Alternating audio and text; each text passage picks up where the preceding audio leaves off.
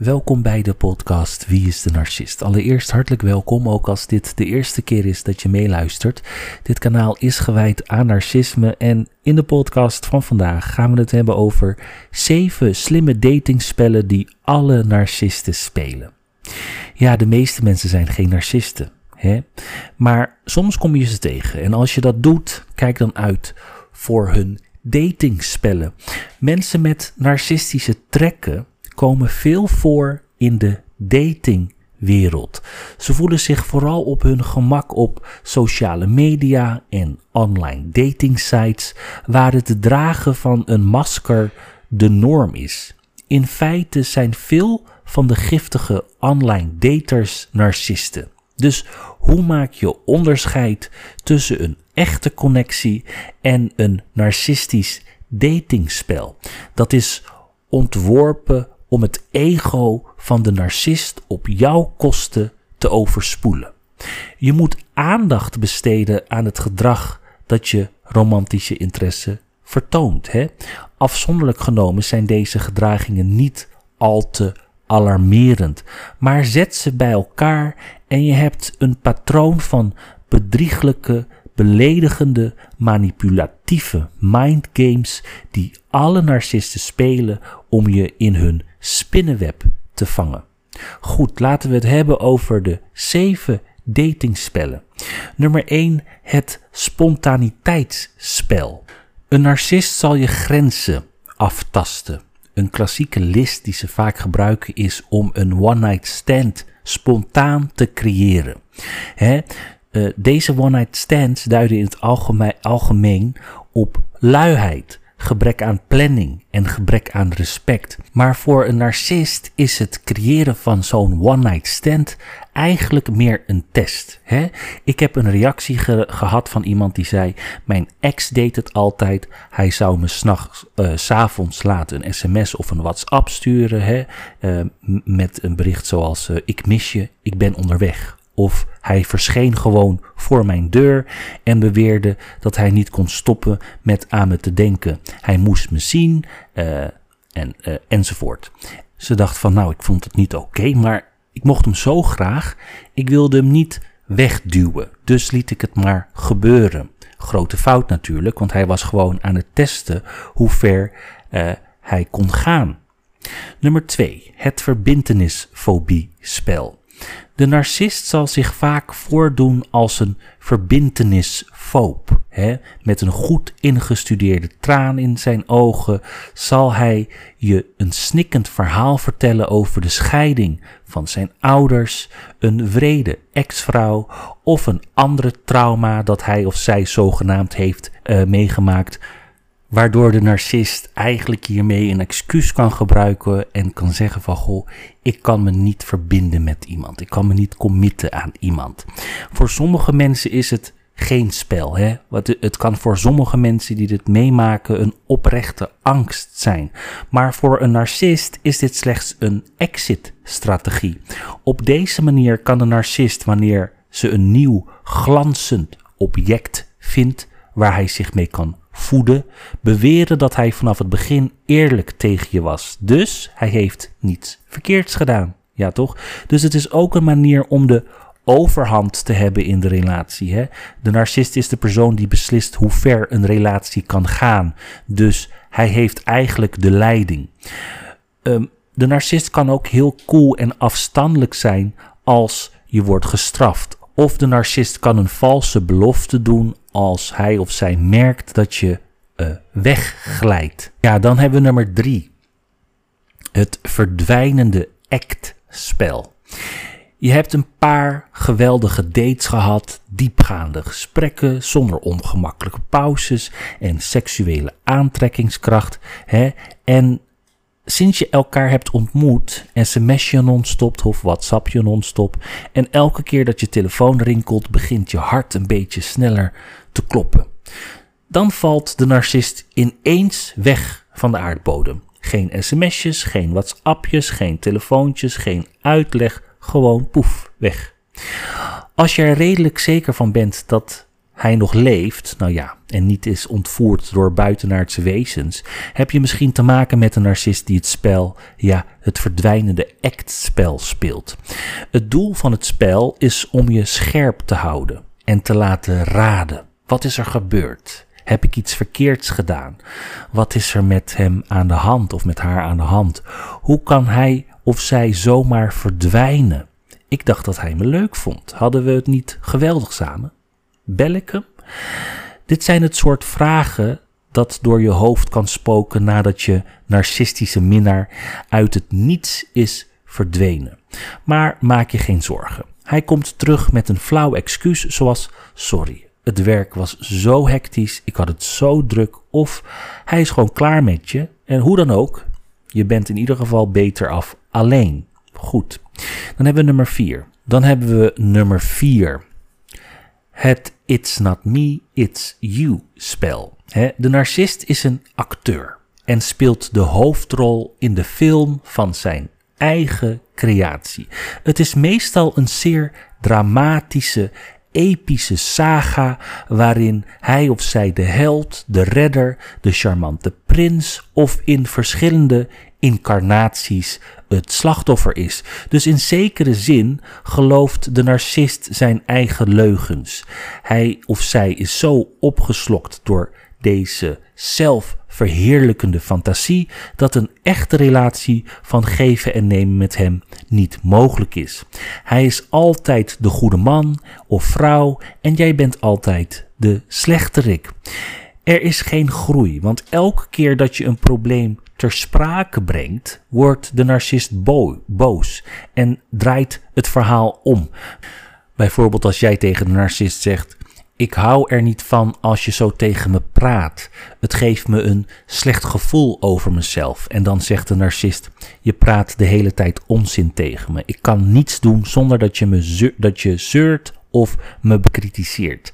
Ik denk dat je emotioneel beledigend bent. En hoe meer je ziet wie de narcist in werkelijkheid is, hoe slechter je wordt in de ogen van de narcist. Daarom is de ex van de narcist altijd gek of gestoord of een monster. Nummer 5. Het Casanova-spel. De narcist houdt van aandacht.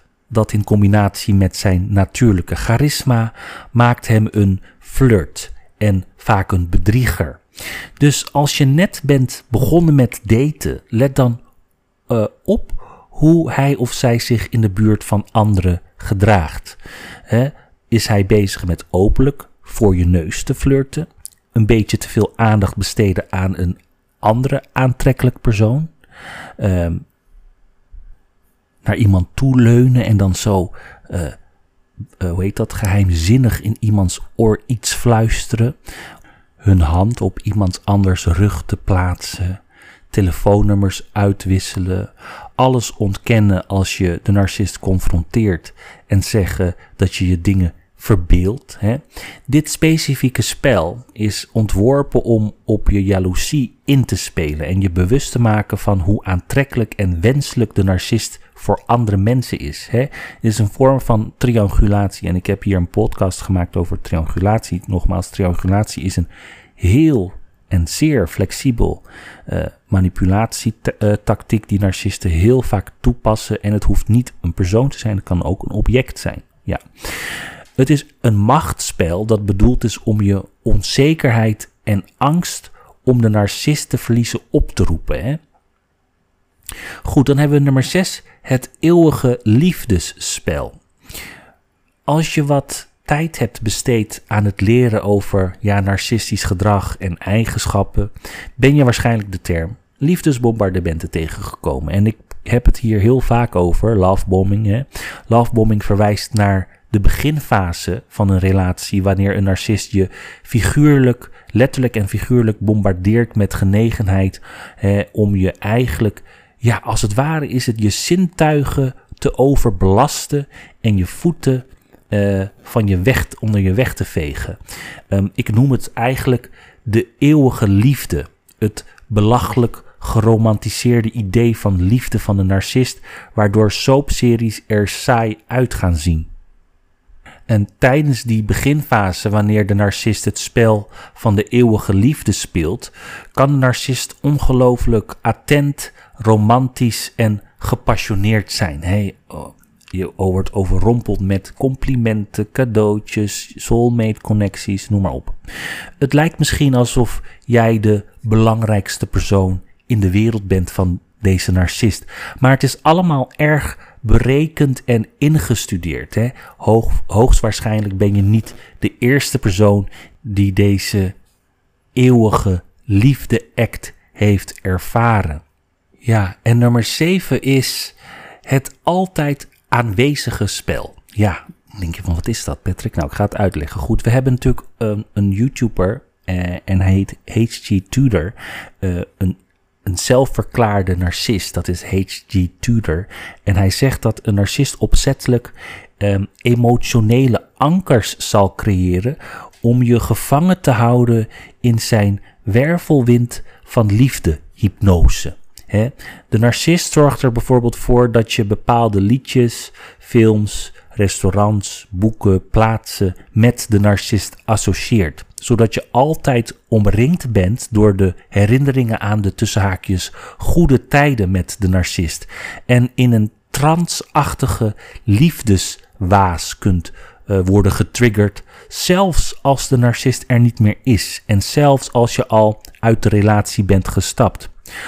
Dus de love bombing fase, de liefdesbombardement, eh, dat, dat spel is om je verslaafd te maken aan een narcist, hè, die bodem, die basis te leggen, dan is het spel van de altijd aanwezigheid ontworpen om dat te versterken.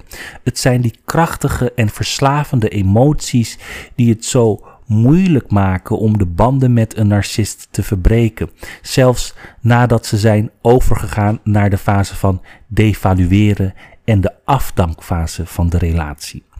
Ja, dan vraag je je af waarom spelen narcisten deze datingspellen? Ja, de belangrijkste reden is dat het hen een voordeel geeft. Hun doel is het veiligstellen van een eh, betrouwbare bron van narcistische voeding. En datingspellen stellen hen in staat om je grenzen, je zelfrespect en je vermogen om te geven, als het ware, op de proef te stellen. Ze zijn op zoek naar iemand om, uh, om te gebruiken. He, gaandeweg. En op een gegeven moment weg te gooien, de afdankfase. Net als een roofdier in het wild dat op zoek is naar een prooi. En als ze het juiste doelwit hebben gevonden, laten ze het niet gemakkelijk los. Zelfs als je de kracht en moed vindt om te vertrekken, zijn narcisten zeer bedreven in het conditioneren van hun slachtoffers om steeds weer voor hen te vallen.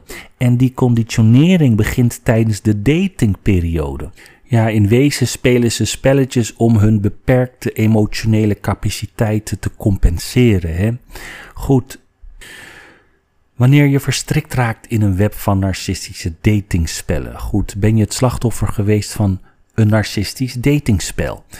Als je ja hebt geantwoord, ligt daar je eerste probleem: de slachtoffermentaliteit. Er zijn zeker situaties waarin mensen slachtoffer kunnen worden. Maar het gebruik van de term slachtoffer uh, op daten kan schadelijk zijn.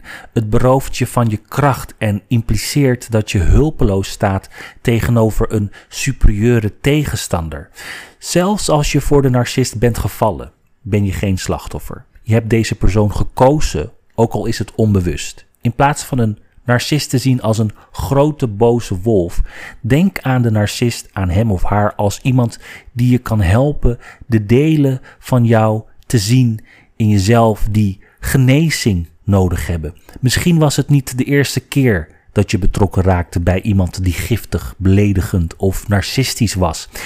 Kijk naar binnen om te zien waarom je je zo aangetrokken voelt tot, tot dit soort partners en waarom zij zich tot je aangetrokken kunnen voelen. Dat wil niet zeggen dat het jouw schuld is natuurlijk. Hè? Je hebt er niet om gevraagd om bedrogen, gemanipuleerd of emotioneel misbruikt te worden. Hè? Maar je hebt wel enige verantwoordelijkheid voor de mensen met wie je samen wilt zijn. Dus als je eenmaal enige verantwoordelijkheid hebt aanvaard voor de relatie met een narcist, vergeef jezelf dan dat je in de eerste plaats voor deze narcist bent gevallen. Het was niet jouw schuld. Het betekent niet dat je dom of zwak bent of dat je dit hebt uitgelokt of een onherstelbare fout hebt gemaakt die de relatie heeft verpest. In feite is er niets dat je kunt doen of had kunnen doen om een wederkerige, liefdevolle, gezonde relatie met die persoon te hebben. Het was vanaf het begin gedoemd te mislukken. Dus de beste manier om op de spelletjes van de narcist te reageren is door ze niet meer te spelen. Loslaten, loskoppelen en er vrede mee sluiten. De volgende keer weet je beter hè, door je ervaringen. En heb je een les geleerd van, uh, hè, van deze ervaringen die je hebt meegemaakt met een narcist. Ja, lieve mensen, ik hoop dat het een interessant onderwerp is geweest voor vandaag. Als dat zo is, laat je comments achter in de commentbox via het YouTube-kanaal. Like deze video, abonneer je op het kanaal en uh, dat stel ik natuurlijk altijd zeer op prijs.